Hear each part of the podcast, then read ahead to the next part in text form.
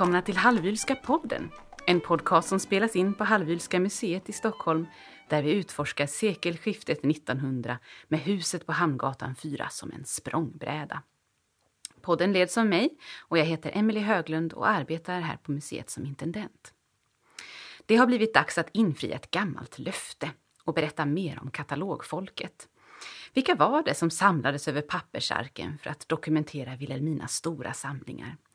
Hur hittade och arbetsledde Vilhelmina dessa dedikerade personer som slutligen katalogiserade också blyertspennorna de använt under arbetet?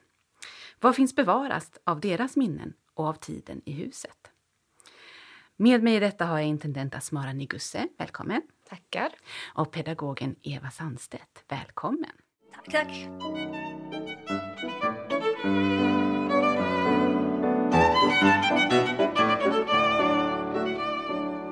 Hur gick Vilhelmina tillväga för att eh, hitta sin personal? Om vi börjar där. Annonserade hon eller hur gick det till? Nej, men jag gillar ju den här formuleringen jag hittade i en beskrivning att eh, personalen som arbetar med katalogen var valda utan konventionella fördomar. Och det är lite typiskt. Ja, en del hämtades ju från Nordiska museet Eh, kan man läsa utav att arkitekten Isak Gustav Claesson jobbar ju där. Han ritar ju också Nordiska museet. Så man märker hur han passar på när han ändå är där att liksom skicka över lite amanuenser eh, som får hjälpa att vara en grund eh, vid den första förteckningen. Men sen alla de här spännande personer vi kommer möta under avsnittet så är det ju just att det inte följer ett bestämt mönster. Det är ingen annons som skickas ut. Det är genom kontakter, genom tips från vänner och bekanta. Och det är just att det är studenter, oftast utan förkunskaper och så. Vilhelmina söker inte efter experterna när det kommer till de som ska jobba med henne i katalogskrivandet. Hon tar hjälp av experter för information och korrekt fakta men hon vill inte ha dem eh, bredvid sig vid skrivbordet. Hon vill att det är hennes arbetssätt, hennes vision och val som ska styra. Och då är det bra med nybörjare på ett sätt. Hon lutar sig inte mot eh, det konventionella när hon rekryterar och det låter som att det är en ganska speciell väg som hon hittar de här på. Och det krävs inga särskilda förkunskaper, men finns det något gemensamt i vilken bakgrund de hade? Kan man se hur hon tänkte i sitt urval? Ja, det är mm, eh, kandidater, som det heter, vid eh, Stockholms högskola. Eh, väldigt vanligt. Och det är väl grundläggande garant, eh, garant också på att de kommer kunna utföra det akademiska arbetet men också ha intresset för det här. Och mm, jag tycker väl en av dem säger det bäst. Få se här Sight, som han heter i efternamn. Att han, när han anställs så skriver han att till min förvåning och förskräckelse blir min första uppgift att utarbeta en beskrivande förteckning över den rikhaltiga samlingen europeisk porslin. Lön 300 kronor i månaden. Meriter inga alls. Och han är typ 23 år gammal där och han har bara ett bevis på att han har börjat studera vid Stockholms högskola. Men det räcker. Vilhelmina blir till och med glad på det. Hon har en intervju med honom på en halvtimme och så är saken gjord. Men tror inte du, Asmara, att det just är att eh, Vilhelmina von Hallwyl genom att då vara så okonventionell i det här att hon också då kan forma de här människorna som då kan arbeta på det sättet som hon verkligen vill att det ska utföras. Mm. Ja, helt rätt. Och det är jag gillar ju också det, för hon beskriver ju, och eh, katalogfolket beskriver ju det, att hon säger att men man lär sig på vägen. Och de får ju tid till eh, eh, studier och, och, fortbildning under arbetets gång. Och på så sätt så är det ju bra då att de inte är experter. Det viktiga är att de skriver ju på hennes sätt när det kommer till beskrivning och så, så att man kan jämföra allt sen. Så man får en bra överblick. Och det kan, ju fel, det kan bli lätt fel om det är experter som kommer in och är vana vid sina arbetssätt. Här får hon ju forma dem från början. Ja. Mm, det blir lättare att få sin egen vilja och vision igenom då. Helt enkelt någon kan forma sin egen arbetsgrupp. Ehm, det sa också att hon anställde utan de konventionella fördomarna. Tror du att det syftar på det att hon anställde både kvinnor och män? Eller hur ska vi tolka detta? Det känns ju som det till viss del eftersom eh, listar man alla så märker man att det är mer eller mindre lika många män som kvinnor som anställs. Även om kvinnorna kanske jobbar mer med nedskrivningen och eh, faktakontroll och så än att eh, studera samlingarna så märker man att de har lika stor plats och lika stort förtroende hos Vilhelmina eh, som de här unga manliga kandidaterna som anställs. Men annars så känns det som att det också syftar på det här att du behöver inte ha gått den vanliga vägen. Eh, det är inte att du ska ha eh, färdiga betyg eller att du ska ha jobbat i andra museum i flera år tidigare. Vilmina vill inte ha dem som har formats av de fina bildade herrarna vid de stora museerna som hon tycker hånar henne ibland i hennes arbete och inriktning. Hon vill ha just de här som hon kan forma själv. Men de får inte svansa för mycket. Mm. Mm. Nej, det får inte vara underdånigt. Nej. Nej, men det var, hon var väl själv drabbad väldigt mycket av det som du säger. Att, att hon själv som kvinna i en till största delen manlig akademisk värld kanske då tyckte att hon gärna omgav sig också själv med kvinnor eh, för att markera lite grann kanske också. Mm. Hon väljer ju sedan en kvinnlig chef också till Exakt. sitt museum. Ja. Eh, definierar att den, den posten ska innehas av en kvinna. Jag tänker hon måste ju ha haft det väldigt svårt liksom, i den här akademiska manliga världen att göra sig själv hörd. Och det ger väl en viss förståelse för andra kvinnor, tänker jag. Absolut.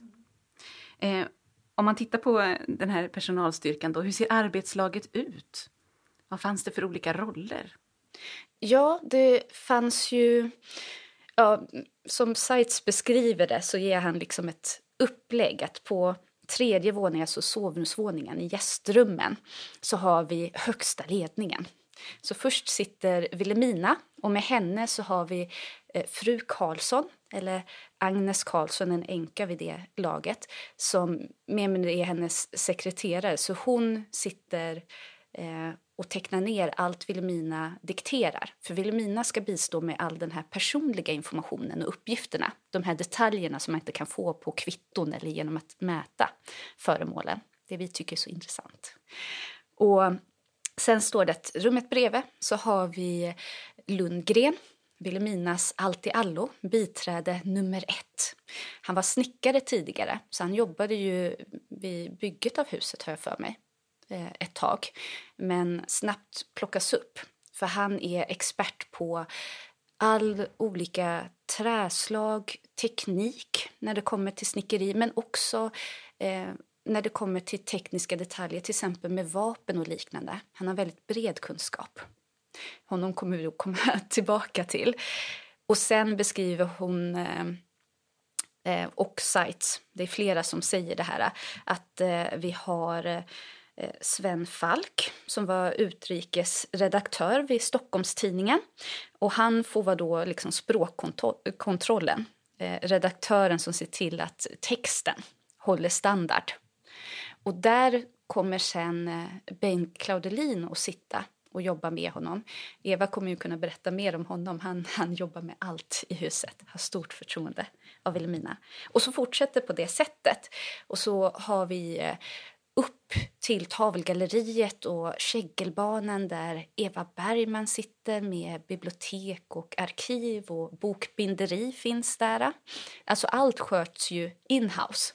Det är inte att de skickar ut saker att göra. Så allt från att skriva texten till redigering till att sätta ihop katalogerna sker inne i huset.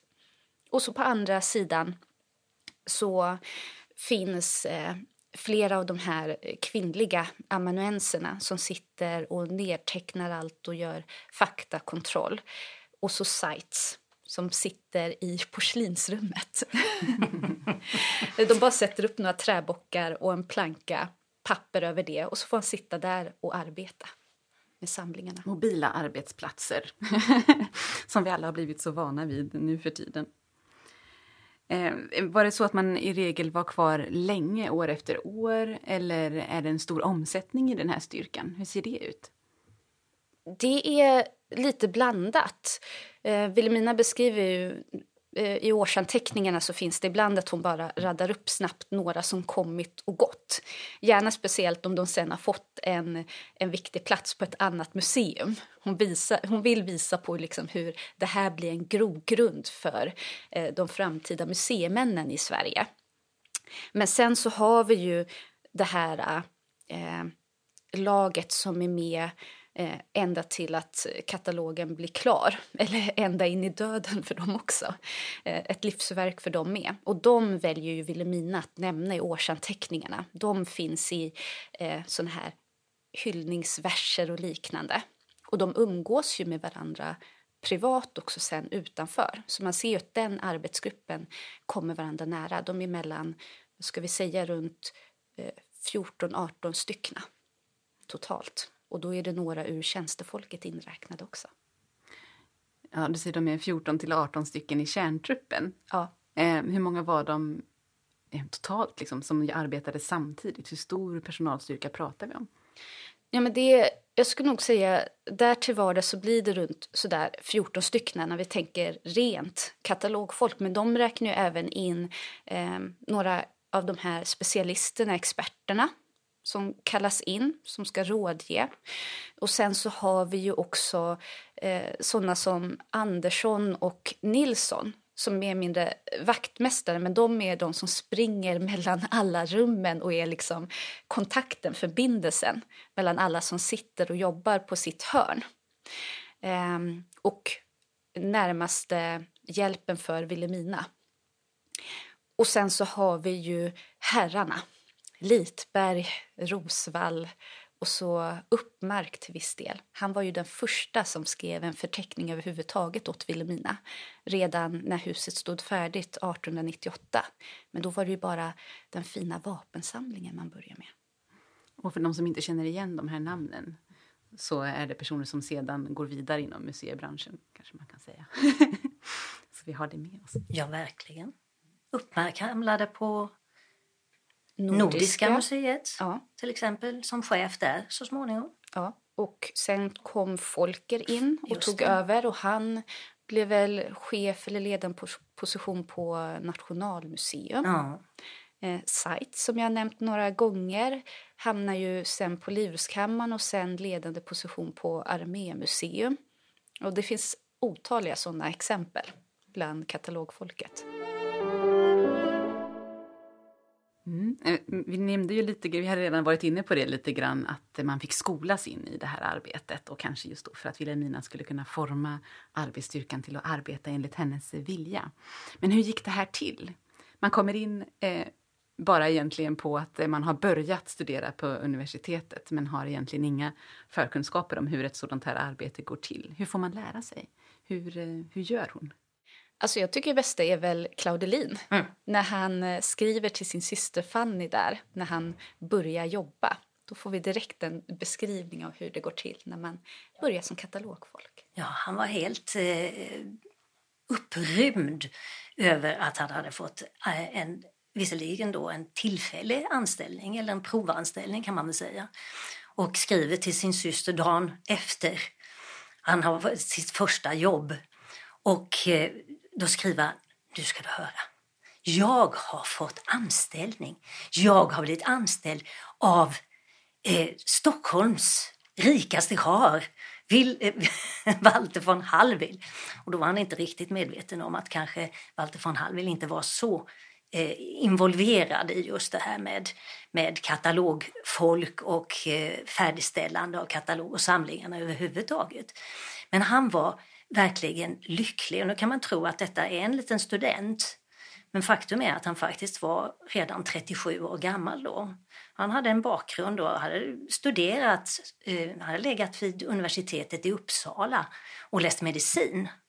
Men blev inte riktigt färdig med detta då. Och sen vet jag inte, då, detta var runt 1900 någonstans, så jag vet inte riktigt. Han blev ju då eh, tillfälligt anställd 1913 så det gick ju en ganska lång tid däremellan som, jag inte, som vi inte kanske riktigt vet vad, vad han hade för sig. Men han beskriver sin första dag när han sitter någonstans, jag tror det är gästrummen, i övre våningen skriver han. Och eh, det vet vi ju, att det var, för där satt de ju. Och eh, där sitter han och tittar runt omkring sig. Och det är underbara möbler, värdefullt, allting är fantastiskt. Jag kan se hur ögonen glittrar på honom i kapp med den här kristallkronan som han är oerhört imponerad av. Så, men så säger han ju då att ja, och här sitter jag i mina trasiga kläder. Och så fort eh, Wilhelmina von Hallwyl kommer in i rummet så kör han in sina skor så, under bordet så gömmer de för att de är naturligtvis då inte så där väldigt presentabla uppenbarligen. Men det är hans första dag och eh, han har fått då i uppgift att titta över mynten. De här ska ju då katalogiseras och eh, han säger det att grevinnan själv tyckte nog det där mest var skräp. Men nu hade, han, när hade hon ärvt efter sin mamma och tyckte ju då av pietetsvärde och allt sånt där så ska de här ju också katalogiseras så småningom. Så att det får han pyssla med och han eh, säger just att han har ingen aning för han har ju ingen utbildning i detta. Men eh, Wilhelmina är uppmuntrande och eh, talar bara om för honom att så här och så här och så här gör vi. Och eh, det är bara att sätta sig in i, man får, eh, han beskriver hur han gnor hur han gnor omkring verkligen. För att springa på bibliotek och till eh, mynthandlare och även till tyska kyrkan när det har hjälpt, eh, hjälpt eh, tyska mynt. Och så, här, så att han har, eh, det är så han då får lära sig allt detta. Och eh, några veckor senare så skriver han till sin syster Fanny igen och berättar då om att eh, det här med mynten är ju väldigt komplicerat. Och han måste sätta sig in i massor med olika språk, för det här är ju mynt som kommer från hela världen. Så att det är tyska och det är arabiska och ryska. Och detta är ju ett digert arbete för någon då som egentligen inte har eh, satt sig in i sådana här saker tidigare. Men han ligger i och det är väl en, en produkt så att säga utav just eh, Wilhelminas kandidater. Att de är villiga, de vill verkligen lära sig. Och han är väldigt nöjd med, han säger att han tycker omåttligt mycket om grevinnan von Hallwyl. Det är en rejäl människa, säger han. Och eh, då, då eh, så blir han så upprymd över då att hon till och med låter honom få låna böcker i biblioteket, alltså husets bibliotek. Bara han lämnar tillbaka dem. Men inte behöver jag skriva upp någonting, skriver han. Så att eh, han verkar ju väldigt förtjust över sin anställning och hoppas ju på att han ska få fortsätta. Och det vet vi ju att han, att han fick göra för han eh, stannade ju ända till sin död eh, 39. Och det var ju året efter det att eh, huset från eh, huset Hallwyl hade blivit eh, museum. Så han var verkligen bland dem som hängde med hela tiden. Mm, och han är ju en, en, källa till kunskap för oss idag också i och med att hans eh, familj sen skickade hans arbetsmaterial och brevväxling till museet så att det finns i ämbetsarkivet. Och där ja. kan vi hitta den här typen av information. Då. Just det. Och det är ju fantastiskt. Alltså det är ju stora lådor fulla med hans privata då, korrespondens, där finns eh, foton, det finns eh, otaliga utkast till olika pjäser som han skrev. Det är opera och det är, han skriver kupletter och revyer och har idéer hela tiden om eh, nya pjäser, nya saker som han ska hitta på. Han hade ju en enorm arbetsbörda vad man förstår här i huset. Men han lyckades tydligen eh, hinna med en hel del annat också. Ja, verkligen. Ja. Och den som lyssnat på podden kan ju känna igen namnet också, Bengt Claudelin, som Visst. den som också skrev klotterböckerna. Och vill man veta mer om det så kan man lyssna på Bekantskap avsnittet. Eh, ett kapitel för sig. Ett helt kapitel för sig och det är väl det som väldigt många har eh, blivit väldigt intresserade av, för det har ju en viss karaktär kan man säga. Men det roliga är ju egentligen, tycker jag, mera just vad som innehåller innehållet i breven. Icke minst då till Fanny. Och det finns även brev som han har skrivit själv till Wilhelmina von Hallwyl för att avrapportera. Hon är på väg på resa, kanske ner till Schweiz där eh, stamfästet fanns, det Hallwylska. Och eh, då avrapporterar han precis vad som händer och, så att hon är trygg i att arbetet fortskrider som hon tänker sig, även om det är sommar och ledighet. Jag tänker på det här eh, som du berättade Eva om att han hade trasiga skor och hans eh, ganska storslagna intryck av möblemanget i gästrummen och sånt också. Det är ju också något som vittnar om att han ju verkligen kommer från en annan samhällsklass. Eh, och när vi pratade om sällskapsdamer i ett tidigare avsnitt så mm, var klassen väldigt viktig, liksom bas för rekrytering. Men här är det en rekrytering ur en annan samhällsklass. Eh, kan vi se mer spår av detta, hur, hur den här kontrasten kommer i spel? Ja, jag måste säga att jag tycker att det är en av de mest spännande sakerna. För här får vi möta eh, lägre tjänstemän. Och eh, det är ju unga kandidater som inte mycket meriter och fattiga som beskriver sig själva. Alltså det är ju någon som startar. Jag tycker man kan känna igen mycket av deras upplevelser idag i att liksom etablera sig i yrkeslivet i Stockholm med all bostadsbrist. Det är mycket som liknar det. Um, med Claudelin till exempel, det perfekta exemplet. Han är glad när han får jobbet 1913 och så skriver han till sin syster, jag får ju 5 kronor om dagen, 120 kronor i månaden. Så nu ska det gå för sig, nu ska jag kunna betala för mig själv. Det blir ju inte riktigt så. Verkligen inte riktigt så. Han var ju alltid i pengaknipa. Alltid.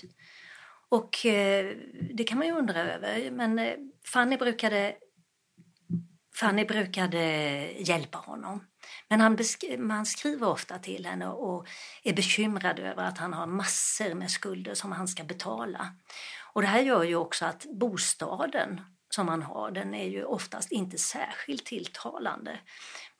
Oftast är han inhyse någonstans, alltså han har hyrt ett rum där han bor. Och någon gång så eh, var det väl inte så särskilt lyckat för att då hade han, eh, han kunde inte sova för han hade väldigt mycket sällskap i sängen skriver han. Du milde skriver han, eh, paneldivanen myllrade gräsligt över måttan gräsligt. Och han fick ligga och slå löss hela natten. Så att det var ju verkligen inga trevliga bostäder. Så småningom så får han ju en egen lägenhet som han är väldigt glad för. Och nu tror han ju också, med, med tanke på att han har ett, eh, blivit fastanställd, så skulle han ju få mera eh, lön naturligtvis. Och han tror ju på att nu ska han ju klara sig själv. Men det säger han väldigt många gånger i sina brev. Och det blir ju inte riktigt så. Så att man levde ju eh, verkligen på gränsen hela tiden. Man hade inte mycket pengar att röra sig med och bostadssituationen i Stockholm i det tidiga 1900-talet är ju det ser man ju på många, många ställen. Många som har skrivit om hur fruktansvärt besvärligt det var att man ofta måste bo tillsammans. Om man ser till det övriga gänget här nu efter Claudelins exempel, hur representativt är det här intrycket som han ger? Alltså man tänker på hur man tar sig an arbetet utan förkunskaper. Man får göra vissa utflykter för att eh, orientera sig och eh, skaffa sin egen bildning. Eh, var det så för de andra också? Ja, verkligen. Och det jag använder ju Herbert Seitz som exempel då i det. Och han skriver ju också, till exempel med intrycket av Wilhelmina så skriver han också att hon var ja, men livlig, vänlig, skratta gärna, klar i huvudet som kristall. Och så här, ja, en skenbart liten bräcklig kvinna men hon hade så en glöd av energi och okuvlig viljestyrka. Och han känner precis som Claudelin att han blir sedd av henne och på ett sätt om en, omhändertagen av henne. Att han, han vågar ju säga bara, nej men jag, jag har ju inga kunskaper om europeisk porslin. Och då säger hon, det är ingen fara. Du lär dig medan du gör. Så det är bara att, att revidera, börja studera böckerna och så. Han får under somrarna, när hon är bortrest i Schweiz och så, göra studiebesök Först Rörstrand, lite mer hemmaplan. Men sen bekostar hon ju en resa för honom så han kan åka till Majsen, till fabriken där äh, och få tala med experter där och studera produktionen. Och på så sätt så blir det ju genom eh, arbetet med katalogiseringen så blir han ju expert i europeisk porslin. Och han arbetar ju i över sju år eh, för henne. Och under den tiden så blir det liksom ingångar i olika ämnen. Och ehm, han säger det, och jag tror Claudelin skriver till sin syster och nämner det också, att Wilhelmina hon gör ju så att hon kommer förbi lite då och då under dagens gång. Tittar in, ser hur det går, hjälper med något exempel, hör efter, går det bra eller inte, drar ett litet skämt eller anekdot och går vidare till nästa. Och på så sätt så blir det liksom det här dagliga incheckningen. Men på ett väldigt trevligt sätt. Det känns som att de tycker att de kommer henne väldigt nära. Och i årsanteckningarna när man läser lite där så beskriver ju Wilhelmina också det som att hon har ett stort förtroende och eh, verkligen håller om sitt katalogfolk. De som stannar där länge. Mm. Hon beklagar sig över att det finns ju många de som knappt stannar en månad eller en dag. Det är ju så jobbigt med dagens folk som liksom inte har den här lojaliteten. Så de som visar den lojaliteten, eh, som Claudelin till exempel, som blir helt hänförd och in i det här katalogiseringsarbetet, de mer kan få vad som helst och allra mest hennes förtroende. Man ser ju också, eh, just vad det gäller Claudelin, så skriver han ju om att eh, det är så trevligt för att de sitter på morgonen ofta och samtalar en halvtimme. Och eh, bland annat vid krigsutbrottet, eh, då första världskriget 14, så sitter de och eh, talar tillsammans och diskuterar det här och som jag förstår så uppdaterar grevinnan von Hallwyl då väldigt mycket vad som just har hänt. Och så diskuterade de detta och det var väldigt mycket ryktesspridning och, som de eh, dryftar.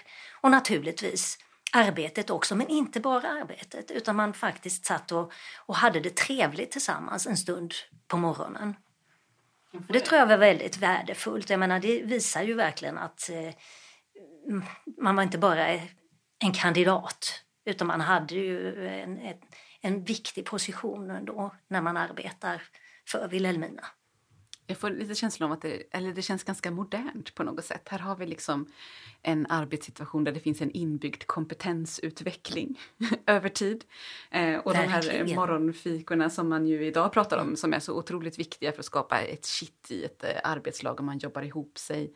Och det kan man väl känna igen också om man får vara öppenhjärtig även här på museet, att ibland kommer de bästa idéerna eh, just under morgonfikat, det där kaffet som är så viktig gemenskapande stund. Och det, ja, det är väl kanske också det som gör att jag tycker katalogfolket är så intressanta. De kanske kommer närmast det man känner igen med liksom en arbetsplats idag, när så många jobbar på kontor. För med tjänstefolket så märker man, det är ju, det är ju en viss gräns där det är ju liksom inte det här sociala umgänget. Eh, kontorsfolket här nere i företagskontoret så är det knappt att man hör av dem. Men med katalogfolket så får man en arbetsvardag. Det är, jag tror Sites till och med skriver det, att det är när de jobbar här i huset att det kändes både som ett levande hem och en arbetande institution på en och samma gång. Speciellt nu i pandemitiderna så tycker man känner igen det. Det är speciellt Mena Skreven lever. För Walter von Hall är ju inte intresserad av katalogarbetet. Då är Wilhelmina mån om att katalogfolket inte ska störa honom. Så då kan man läsa hur de hela tiden bara, ja nu är greven på väg upp till paraden så då måste jag springa baktrappan bort här så att han inte ser den. Så där Walter går, där är det ett vanligt hus och sen i skuggorna ungefär så arbetar katalogfolket fribilt. Och det är först när han dör 1921, då beskriver de och Wilhelmina hur huset blir mer eller mindre en ren arbetsplats. Då breder katalogfolket ut sig på eh, de flesta våningsplanen och jobbar bara intensivt. Men jag blir lite road av att ibland så får de så här beskrivning. Ah, nej, nu får man packa upp lådorna här. nu ska det vara ett gästrum. Och så får jag hitta en annan hörna att arbeta på. Och så. Ja, när man försöker idag, när man behövde jobba från köket eller sovrummet blir en arbetsplats mitt i allt. Mm, och alltid ville ha kvar sin hemkänsla kanske. Men det är alltså han som står på, för anställningen formellt, antar jag då, i och med eh, att Wilhelmina inte hade makt att anställa som kvinna. Men i praktiken så är det Wilhelminas gäng. Och det är ju så som Claudelin uppfattade också, att det är ju av eh, greve von Hallwyl som han har blivit anställd. Tills han förstår bättre. Vad döljer sig bakom signaturen? ja. Och skriver inte Claudelin till och med vid något tillfälle att han aldrig sett greven? Just det. Att det är, Ja. Efter att han har jobbat där ett tag Ja. så, så inser han han ser aldrig greven. Nej, Det- det- och eh, han undrade just också, för att i början så har han ju inte ens sett hur det ser ut i övriga huset utan man har ju bara försiktighetsvis kommit upp i de övre eh, våningarna just för Walter von Hallwyls skull. Så att eh, man höll sig ju verkligen undan och han pratade då om, nej han sitter nog nere i riddarsalen. Var nu det kan vara någonstans. Det är spännande med den här gruppen också för de har en helt annan relation till Wilhelmina eh, som person om man jämför med eh, de andra personerna som rör sig i huset. Eh, ser ni att deras bild utav henne skiljer sig ifrån det vi vet i övrigt eller det vi ser i övrigt i våra källor? Man känner ju mera alltså, med de här presentationerna man får utav livet bland katalogfolket. Att det är ju väldigt, eh, trots allt, och för tiden väldigt avspänt. Och jag tror att eh, eh vi också genom, icke minst då Claudelins brev till Fanny, lär känna eh, Wilhelmina von Hallwyl på ett helt annat sätt, ett mycket mer sympatiskt sätt. Alltså att hon är en väldigt eh, uppenbarligen otroligt humoristisk. Och då också väldigt inkluderande, som du säger Ansmara, att hon gick runt och pratade med alla varje dag och intresserade sig för liksom, hur går studierna och eh, vill verkligen veta. Det måste ju vara jättetrevligt att jobba för, för en sådan människa och så är det ju liksom inte säkert för de andra som är anställda här utan då är det ju grevinnan von Hallwyl eh, som, som man har större respekt för, tänker jag. En annan roll. Ja, en helt annan roll. Men hur är det med disciplinen då? Det finns ju också, kanske lite skämtsamt bevarat, en, en liten, eh, ett litet citat om vassa pennspetsar. Asmara. Ja, det är sånt jag älskar. Hon har ju också väldigt strikta förväntningar och idéer. Eh, som det är beskrivet så ska ju eh, alla samlas ungefär som för morgonmöte eller incheckning. Klockan nio på morgonen ska man infinnas vid ett av arbetsrummen på tredje våningen. Eh, var du tio minuter tidig så var du försenad. så att redan där. Vilhelmina kommer prick nio. Om någon råkar inte vara på plats, då får Andersson eh, gå ut och hämta dem. Inte ringa och höra hur mår du eller så, utan det är fysiskt hämta in dem. Eller så måste du ha en riktigt god ursäkt för Andersson då för det. Eh, och en del av katalogfolket och eh, barnbarn och så när de hälsar på beskriver hur man ibland kunde höra Vilhelmina skrika Andersson när hon ville att han skulle hämta någon, få ordning på dem. Och sen så är det ju Claudelin igen. Han har ju skrivit eh, en skiss ungefär till en pjäs om hur det är att arbeta i huset. Självklart nördar jag ner i det. Men där så hittade jag ett citat om eh, pennspetsarna då, eh, som jag roades av. Eh, och då skriver han att eh, Grevin eh, då har repliken att jag vill ha så finspetsade blyertspennor så jag kan sticka ihjäl er allihop med dem. Låter väldigt drastiskt, hennes sinne för humor. Men det som roar mig är att jag sen bara helt separat vid ett tillfälle läser en intervju med barnbarnet Margrit som hälsade på ofta och ibland sprang igenom gästrummen där alla satt och arbetade. Så hon anmärkte. Jag minns än idag att som liten så såg jag borden där på rad låg det finspetsade blyertspennor redo att användas. Det verkar finnas en viss sanning i att de ska vara välspetsade. Jag tror inte hon stack någon med dem, men... Men det får vi väl hoppas. Ja. Och det är dessa pennor som då alltså finns kvar Just det. idag med sina egna katalognummer. De kanske var viktiga att dokumentera. trots allt. är många sådana här historier. Och det, eh, det går ju åt andra hållet också. Man vågade skoja med henne. Eh, Claudelin till exempel be- berättar om att han föreslog efter en fest Eh, som hade varit i det Hallwylska huset och eh, med naturligtvis damer i eleganta toaletter så hade det då tappats lite eh, delar från smycken och sånt där. Och då är det någon av tjänstefolket som har hittat dels pärlor och dels en granat och då tycker Claudelin att ja men nu är det väl dags att grevinnan gör en ny monter med kvarglömda attiraljer ifrån festligheter i det Hallwylska huset. Det blev nog ingen sån. Nej. Men man ser att de gillar och de ja. driver med tanken på katalogiserandet Exakt. också. De kan skämta om arbetet. Så det är inte gravallvarligt i allt det här med dokumenterandet. Nej. Nej, det kan man ju också se i den, de här det är ju egentligen bara små papperslappar som är rätt osorterade som finns kvar av den här skissen på en pjäs. Sorgligt nog, för man är ju himla ja. nyfiken på hur det hade varit härligt att få läsa den i sin helhet men den Visst. verkar inte ha blivit färdigställd. Men där kan det här ju också regna igenom. Och där finns det en karaktär som är namngiven Örn och jag undrar om inte det är Falk då. Ja. som har blivit lite om eh, eh, omskriven som suckar uppgivet och säger Åh gud vad det här är tråkigt. Och så svarar eh, Wilhelmina, ja, det bryr mig rakt inte om att Örn suckar för jag är så tjockhudad så det biter inte. Och då står det att Örn, som vet att han kan skämta, står inom parentes, ja det ska gudarna veta. Eh, så att även här har det, man vet att man kan skoja med henne, men det har smugit sig in i den här skissen.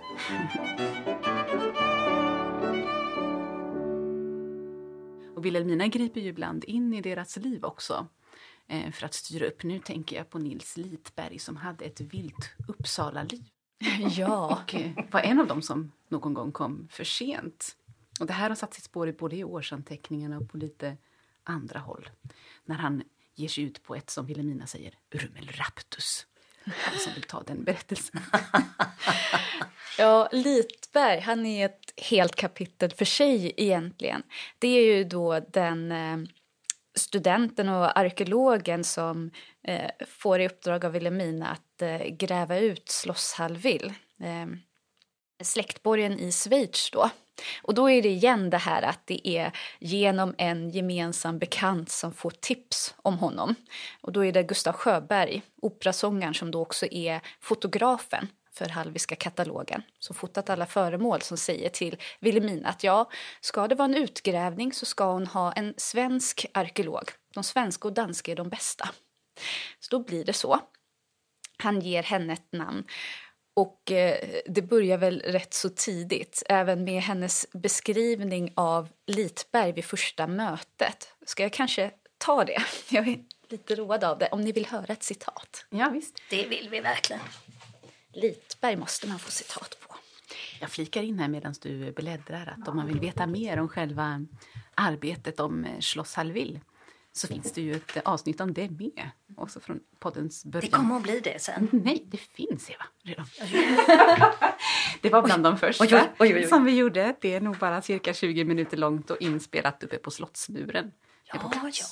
Ja, ett citat när Wilhelmina för första gången träffar då Litberg 1910 när hon nu har eh, anställt denna man hon inte känner. Och då skriver hon att eh, jag ser ännu som det vore igår hur han öppnade dörren till läsesalongen i, i Brestenberg där de möttes då. Ehm, och stod och bugade. Det var en lång smärt ung man med ljust hår, ett par kloka gråblå ögon, en hy som han haft smittkoppor och två framtänder borta i överkäken. Eh, och så skrev han att ja, första intrycket var en intelligent och sympatisk människa som stod framför mig. Men sen går det ju lite snabbt att någon eh, börjar fråga lite mer om honom och så kommer det fram att ja men eh, att de där tänderna de förlorade han vid ett eh, studentslagsmål i Uppsala när han hade druckit lite för mycket vid något tillfälle. Så det här äh, glada studentlivet kommer fram rätt så tidigt. Så att hon blir väl inte så överraskad sen. Man märker ju att hon har ju tålamod när det kommer till det här. För äh, precis som du säger, Litberg dyker inte alltid upp. Ibland när han har eh, träffat goda vänner och varit ute och druckit för mycket så infinner han sig inte på morgonen. Och då är det Andersson eller Glauman som får börja höra efter med folk. Till slut går det ju faktiskt så långt att, eh, vad ska man säga, det nästan blir som en intervention. Eh, några av hans arkeologvänner, eh, Ambrosiani och liknande, eh, tillsammans med Vilhelmina så kom de överens om att nej, ska det bli ordning på honom, ska han få sin professorstitel, ska han fokusera på studier och arbete, ja, han måste ut från Stockholm, ut från eh, Lund och studentlivet och allt det. Så Wilhelmina liksom bekostar att han får hamna, vad var det, i eh, Nynäs, jag för mig. Han fick välja mellan två olika ställen. Och där skulle han då få sitta isolerad, mer eller mindre ute på landet. Bara för att skriva färdigt sin uppsats så det blir något av honom. Så man märker ju tidigt hur Wilhelmina så här, eh, plockar upp honom.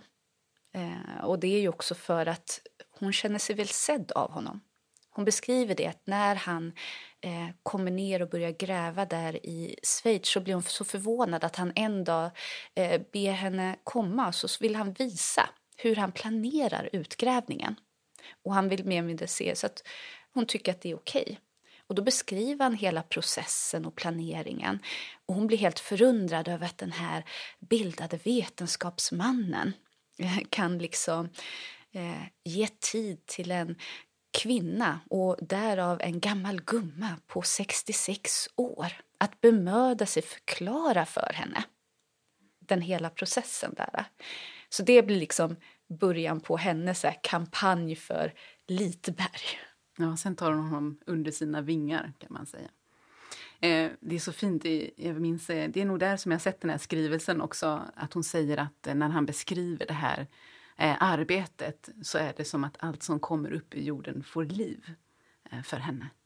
Eh, så där. Så det, ja, man märker att de hade en, en viktig relation. Och de får ju också samma, eh, samma upplevelse som med Claudelin och, och Seitz. Att det är ju den här nya oprövade personen på ett sätt eh, som Wilhelmina kan ta till sig och på ett sätt forma så att det är en arbetsrelation som passar henne. Eh, för där blir det också snabbt det här sociala som kommer in. Eh, att Litberg eh, börjar varje dag efter arbetets gång ha som ett timmes samtal eller nästan föredrag med henne och de som sitter med runt sällskapsdamen om alla olika bildade ämnen och nya forskningsrön som beskriver hur hon, en helt ny värld öppnar sig för henne med de samtalen. Och snabbt så börjar de också göra eh, dagsutflykter på söndagar, lediga, eh, till olika platser och han följer med. Så det här det går från en arbetsrelation till en social relation också väldigt snabbt. Ett umgänge. Eh, och det eh, passar ju Litberg också, och att han också är helt dedikerad till arbetet i början precis som alla andra, hänförda på det här stora projektet. Problemet kommer ju sen när han tröttnar. Ja, för sen blir relationen inte riktigt lika varm. Han är ju den första som får eh, professuren som Wilhelmina bekostar och, som fortfarande finns kvar idag, den Hallwylska professuren på Nordiska museet med fokus på etnologisk forskning. Eh, men där gör han ett snedsteg som Wilhelmina har svårt att förlåta sedan. Ja, det är väl egentligen det här att eh, kanske inte vilja dedikera hela sitt liv till att beskriva en enda utgrävning eller samling. Ehm, för man får tänka på att det pågått i eh, årtionden vid det laget. Och som du sa tidigare där, det är flera som beskriver eh, arbetsprocessen kan ju bli lite långtråkig sajt skriver det också. Alltså, ibland så kunde jag ha så tråkigt så jag knappt liksom kunde hålla vid livet med alla dessa beskrivningar. Eh, men det kunde man inte drifta för Wilhelmina. Det hade hon inte förståelse för. Även om hon själv kunde vara trött ibland på allt skrivande så nej. Katalogen framför allt och även med utgrävningen. Så när Litberg med den här professuren eh, vill jobba på andra projekt nej, nej. Vilhelmina skriver in ett krav med att eh, när han ska få den, den första personen som får den, så måste han också se till att 20 timmar i veckan kommer han hit till Hamngatan 4 och jobbar med Schloss och med katalogarbetet. Så att det blir ju liksom 50 här, 50% får han göra det han egentligen vill. Ehm, och Claudelin nämner ju det. Han, det blir inte fyra timmar om dagen, det blir åtta timmar om dagen ibland. Och han blir överansträngd. Just det, hon måste skickas bort. Nej, men det, är ju, det, det blir ju en, en, allmän... Alltså både Wilhelmina von Hallwyl och eh, Lisberg kommer ju på kant med varandra genom det här. Men det blir ju också... Eh, Claudelin är också eh, väldigt bekymrad över det här. Det är alltså Litberg som från början gjorde att eh, Claudelin fick arbete överhuvudtaget i det Hallwylska huset. De kom ju från Gotland båda två och kände varandra sedan innan. Och sen sökte då Litberg upp honom för att eh, han trodde att han skulle passa för just den här typen av arbete. Och eh, det gjorde ju att de, de hade nog väldigt trevligt tillsammans rent så personligt från början. Men det här nu med, som händer gör ju eh, Claudelin också väldigt upprörd över hur han tycker att Lidsberg, som då uppför sig som en av herrarna så att säga, eh, och eh, han ska till exempel ha ett, för, hålla ett föredrag på Nordiska museet angående då arbetet med utgrävningarna i Schloss Hallwyl nere i Schweiz. Och han glömmer att invitera Wilhelmina von Hallwyl. Vilket ju naturligtvis var en, en fadäs. Om det var meningen eller inte, det vet vi inte. Men det var tydligen väldigt upprörande och eh, Claudine säger att Wilhelmina själv säger att jag vill inte se honom igen. Sen kommer de väl på andra tankar, men det var många sådana här saker som, som gjorde att skildes åt väldigt mycket. Det känns som att det finns en, eh, ett stygn av det här, eh, att det känns lite svekfullt. Att man på något sätt ehm, tar äran av arbetet till sig själv eller att Wilhelmina kände att hennes roll i det hela förminskades. Mm. Men hon beskriver det i årsanteckningarna också. att Det, är, det, verkar, det värsta verkar inte vara egentligen att eh, han glömde att skicka en inbjudan till det här vernissagen, det här föredraget utan i föredraget så ger han henne ingen ära i arbetet. Han beskriver mig bara som en eh, grand dame, en, en rik kvinna som inte visste vad hon skulle göra med pengarna och att det är, så här, att det är han som skapade det hela. Sen får man ju ta det med en, en nypa salt. Både Wilhelmina och eh, katalogfolk alla runt omkring henne säger att hon har ju ett något häftigt temperament och kunde ibland förhasta sig i eh, eh tankar eller beslut. För eh, det står också hur Claudelin sen, eller förlåt, Litberg mm. skriver ett brev efter det när han får höra att eh, Wilhelmina var så förargad över det här eh, och kränkt att han skriver ungefär att ja, det är synd hur man blir så missförstådd. Och samtidigt så skickar han ett utdrag av förordet till katalogen Slåss halvvill där han så här, visar här, här visar ju att du är eh, en del av arbetslaget. För Vilhelmina är ju verkligen med. Hon, är, hon rensar ut eh, det arkeologiska fyndmaterialet, rengör det, sorterar det och så. Så det är ju inte att hon sitter vid sidan av. Hon är inte bara en beställare, hon är verkligen en del av arbetslaget. En känslig fråga, helt enkelt. Gud, ja. Men, det är, ja, men samtidigt så märker man ju också att det är inte som att relationen spricker. Det är bara att då blir det inte det här nästan dagliga umgänget. Men man kan läsa i till exempel den andra sällskapsdamen, Sonjas eh, dagbok hur Litberg fortfarande kommer då och då, men kanske bara någon gång i månaden istället på kaffe eller middag. Eller när han ska ge sig av till Schweiz igen så gör han en visit. Eh, och sen skriver Sonja vid tillfället när han kommer för att meddela att nu är Sloss Hallwyl-katalogen klar efter 19 års arbete. Mm. Nu ska den publiceras. Då var Vilmina väldigt glad, kan jag säga. En slutpunkt äntligen.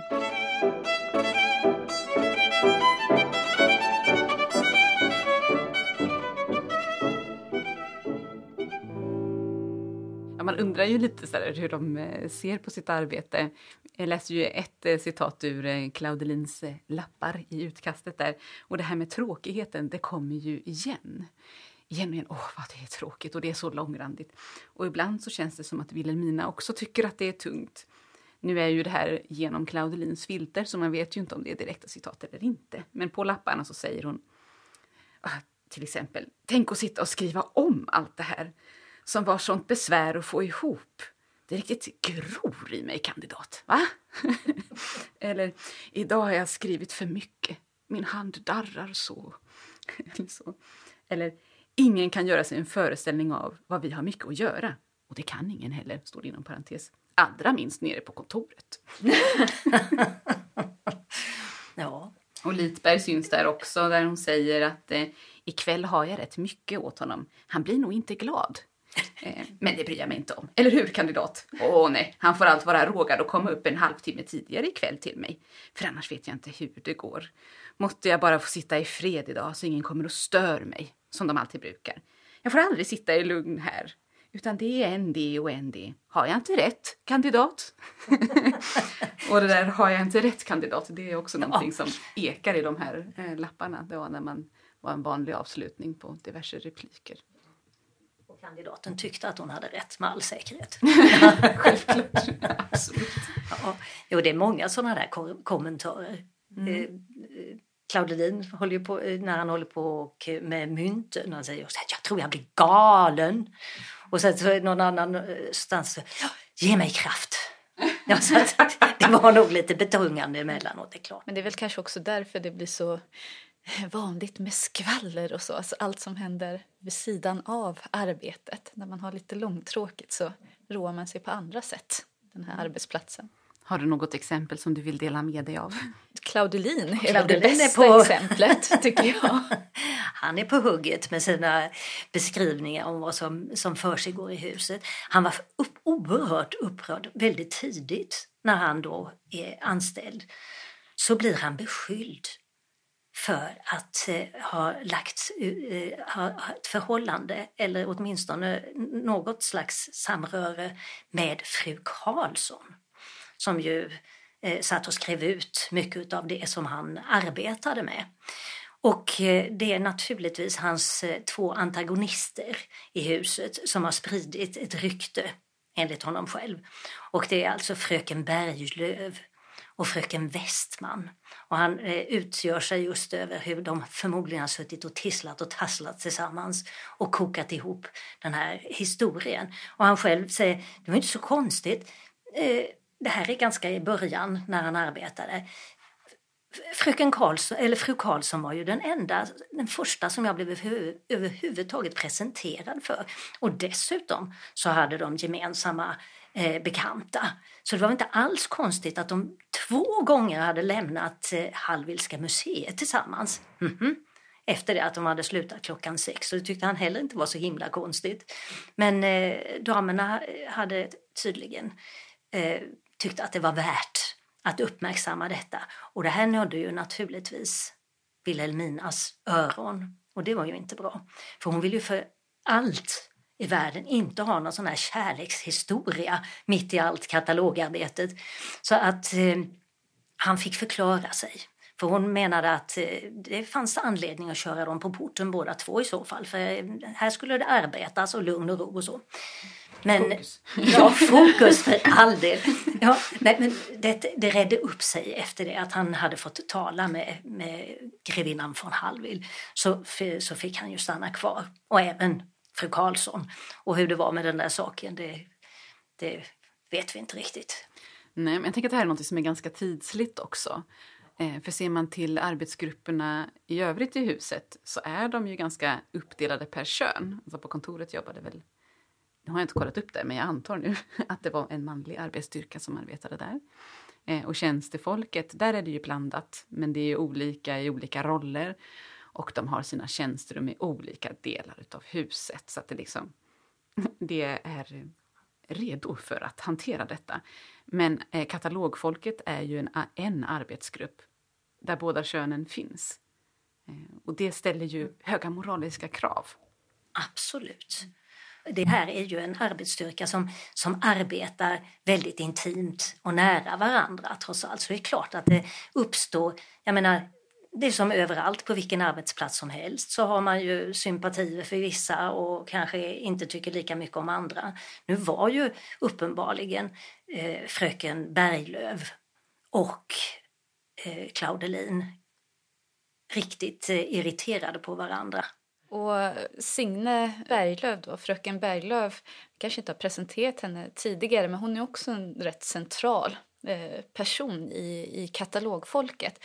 Eh, som sagt, hon var ju folkskolelärarinna i grunden. Och så var hon då vän och eh, bodde ihop med gymnastikdirektören, fröken Ida Westman. Mm.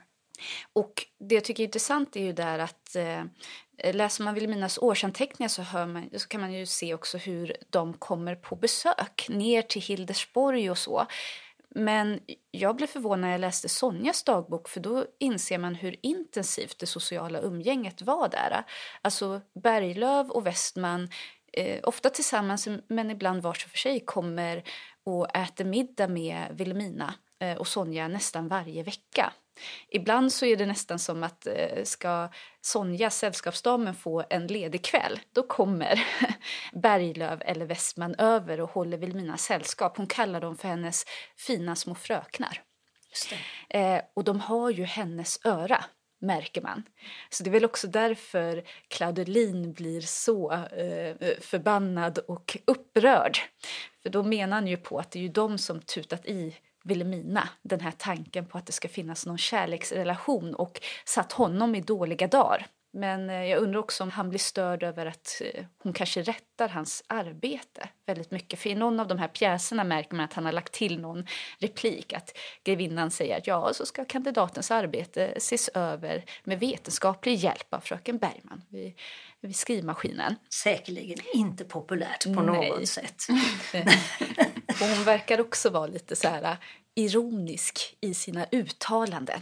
Det säger eh, Glaumans son eh, som besöker Hildesborg när hon var där också. Så det är väl kanske också den där tonen. Hon kanske också har en liten retsam ton mot Claudelin som han inte uppskattar. Låter också som eviga arbetskonflikter som kan dyka upp. Exakt. När någons arbete måste göras om eller revideras. Och vad betyder det? Och vad vill det säga?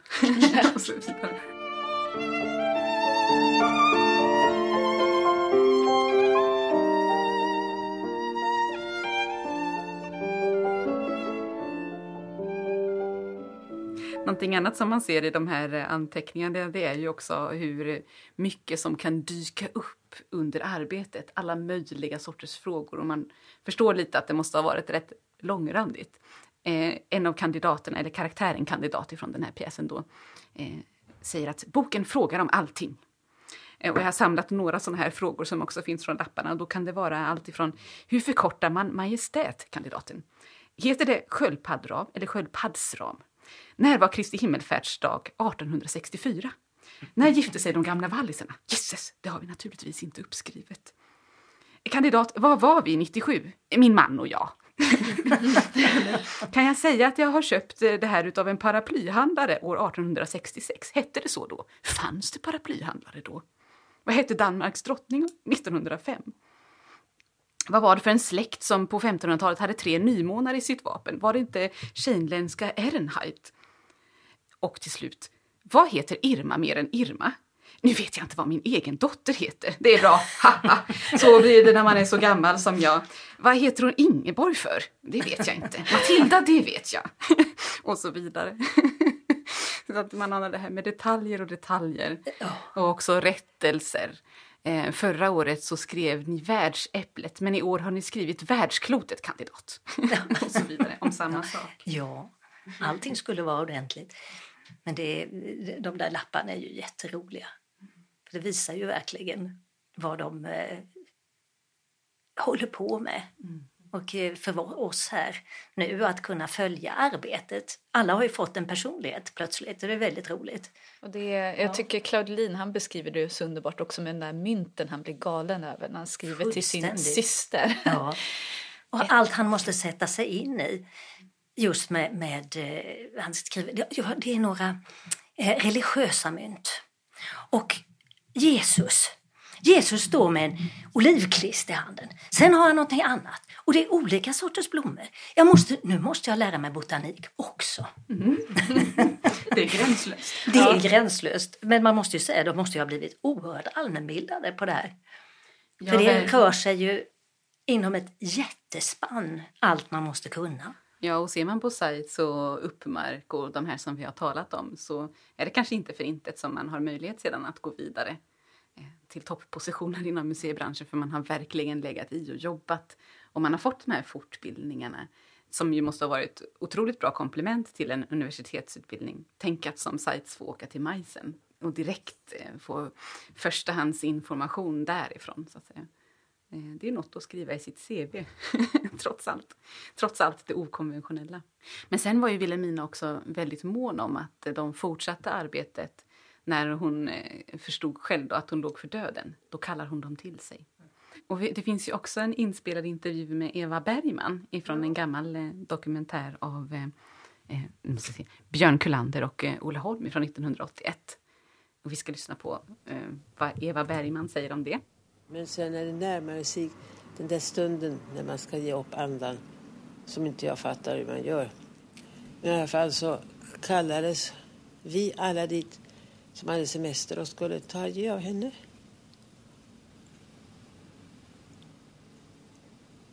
Och för mig så kändes det nästan som att när vi då liksom fick uppgift utav henne att man för framtiden kände det där lilla spänningen att man skulle hålla det löftet. Vilket löfte gav du?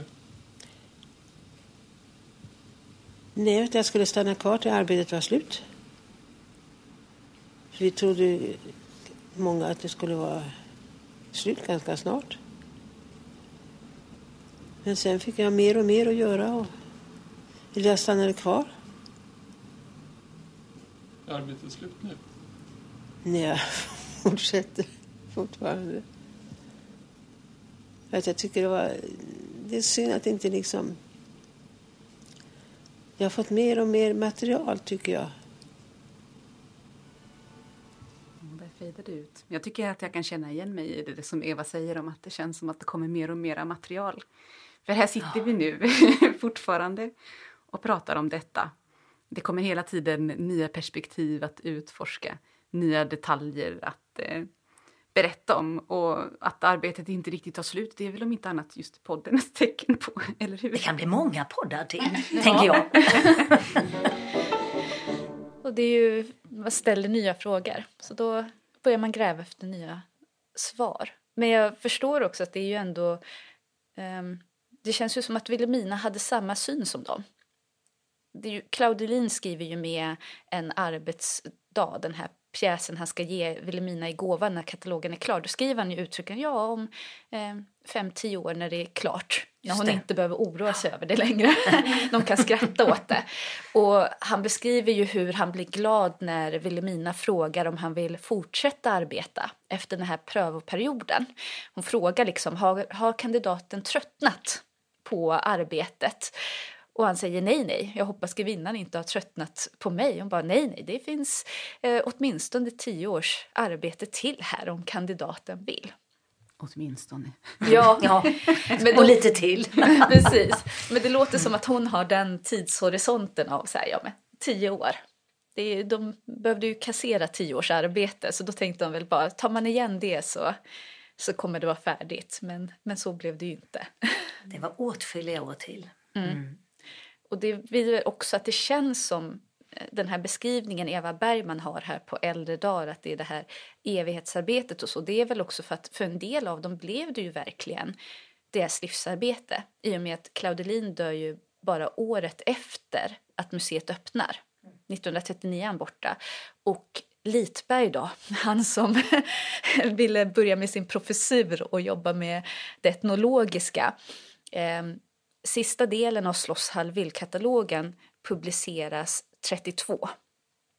Eh, och han beskriver, en gemensam bekant beskriver att han, eh, när han frågade om var han glad över att arbetet var slut, så sa han Ja, för nu kan jag äntligen börja arbeta.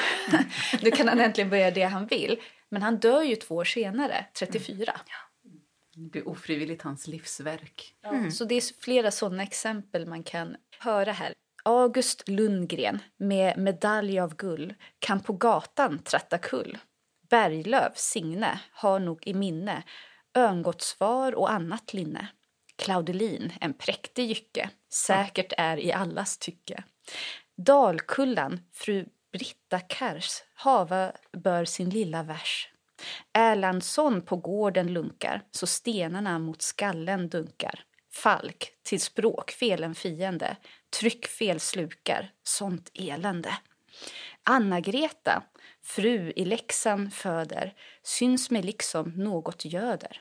Hallå, hallå, finns fröken Eva där? Jojomensan, hon är både där och här. Inga frukten i påsen letar, menas hon på kinat petar. Jonsson, Sigrid, i fasaden, bär ej nos från födelsestaden. Katalogen, hipp gudår, leve den i tusen år. Litberg också halvis skriver, styr oss och sig på näsan river. Marit, fröken, hette en, professorska blev hon sen. Nilsson, konsten kan fixera, prata, spik och sprech med mera. Olsson, Otto, har en finne, vårda den, var rädd om skinne. Petterssöner, John och Linus, gör i trä och en i plus och minus. Kvintensen är, vi vet ju, Rosvall, Litberg, Indebetu. Roten, upphovet till denna fest, är grevinnan som bort var hedersgästen. Skål, tyst för henne tömmo, hennes minne ej förglömmo. Tänk om jag fru Frida glömt, aldrig mer hon blickat ömt. Utan revisors ris vore vi i paradis. Eh, vi av Sjöbergs apparat i eh, 7.19 ska tas som fat. Wahlström, V, ack dubbel V, får visst solen aldrig se.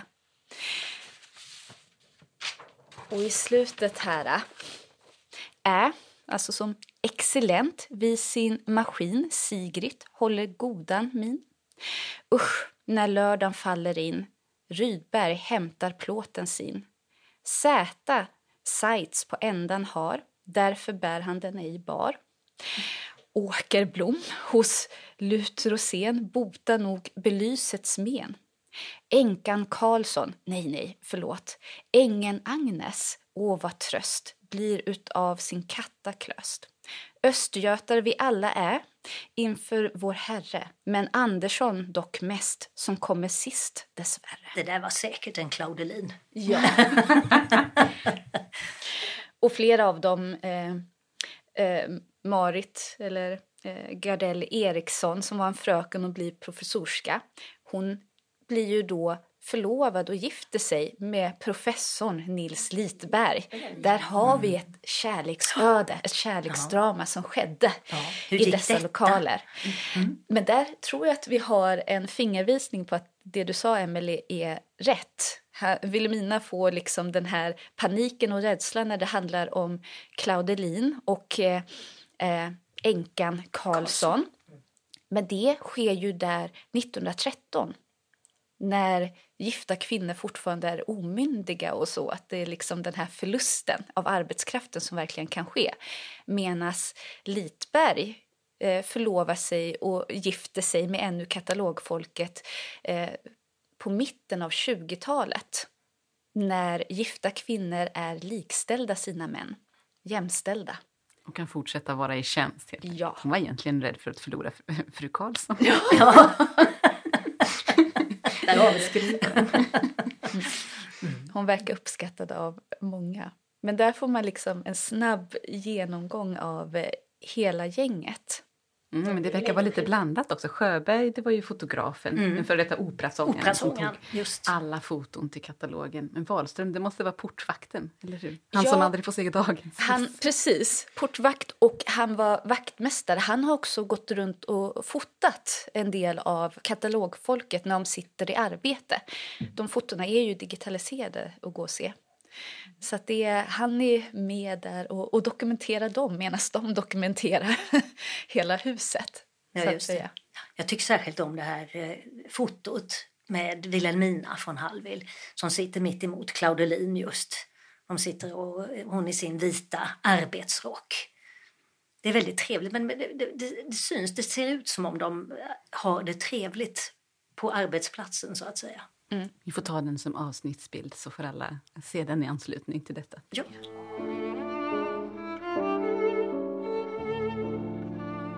Och det är ju också, det sa jag ju kanske inte där i början, men just på tal om hur arbetslaget sätts ihop, där visade det också hur tydligt det är utan fördomar eh, eller väntade konventioner.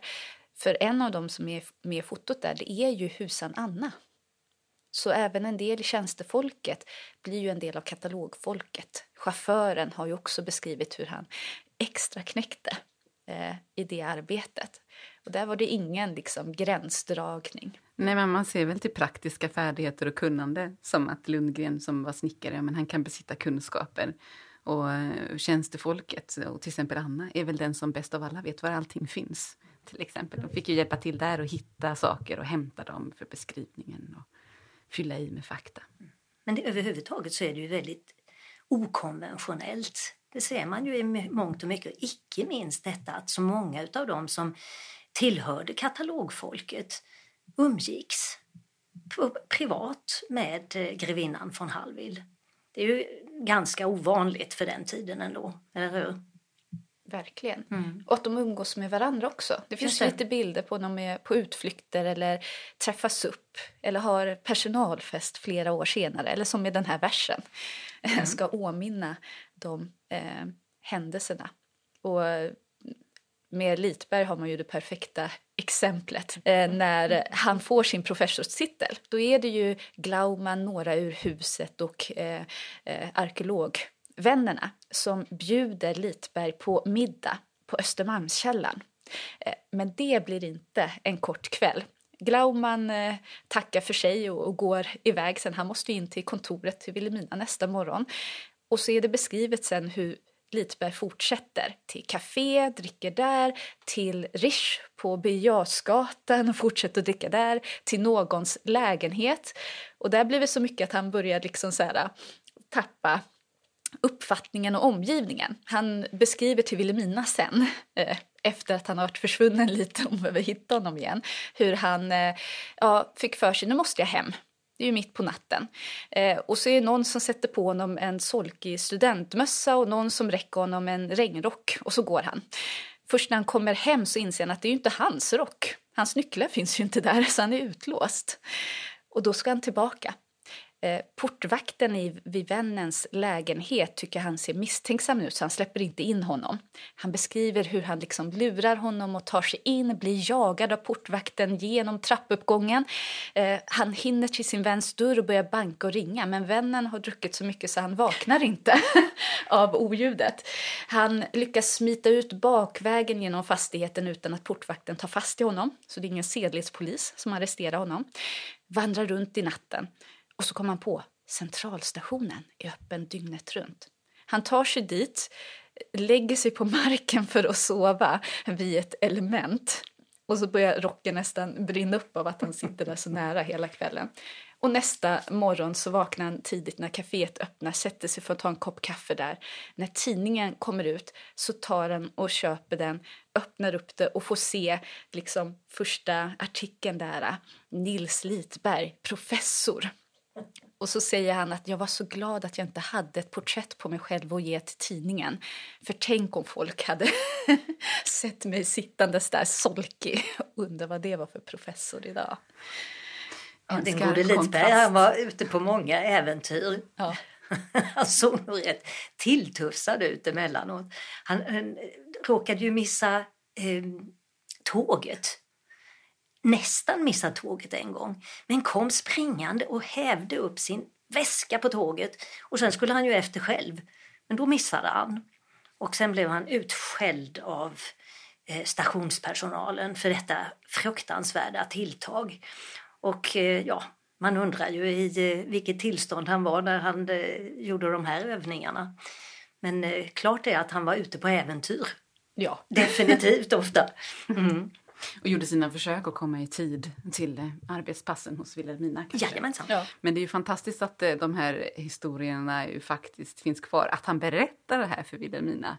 Kan vara obetänksamt.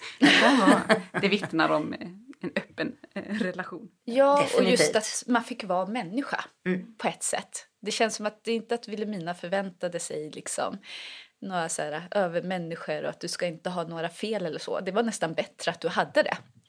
Så länge du var lojal katalogen och det arbetet. Ja, det var hon förstås. Jag tänker att vi får sätta punkt för det här eh, avsnittet om detta speciella arbete och arbetslag. Eh, tack så mycket Eva och Asmara för att ni kom hit och delade med er av alla era efterforskningar kring detta. Och tack alla ni som har lyssnat till oss. Tackar. Tack, tack.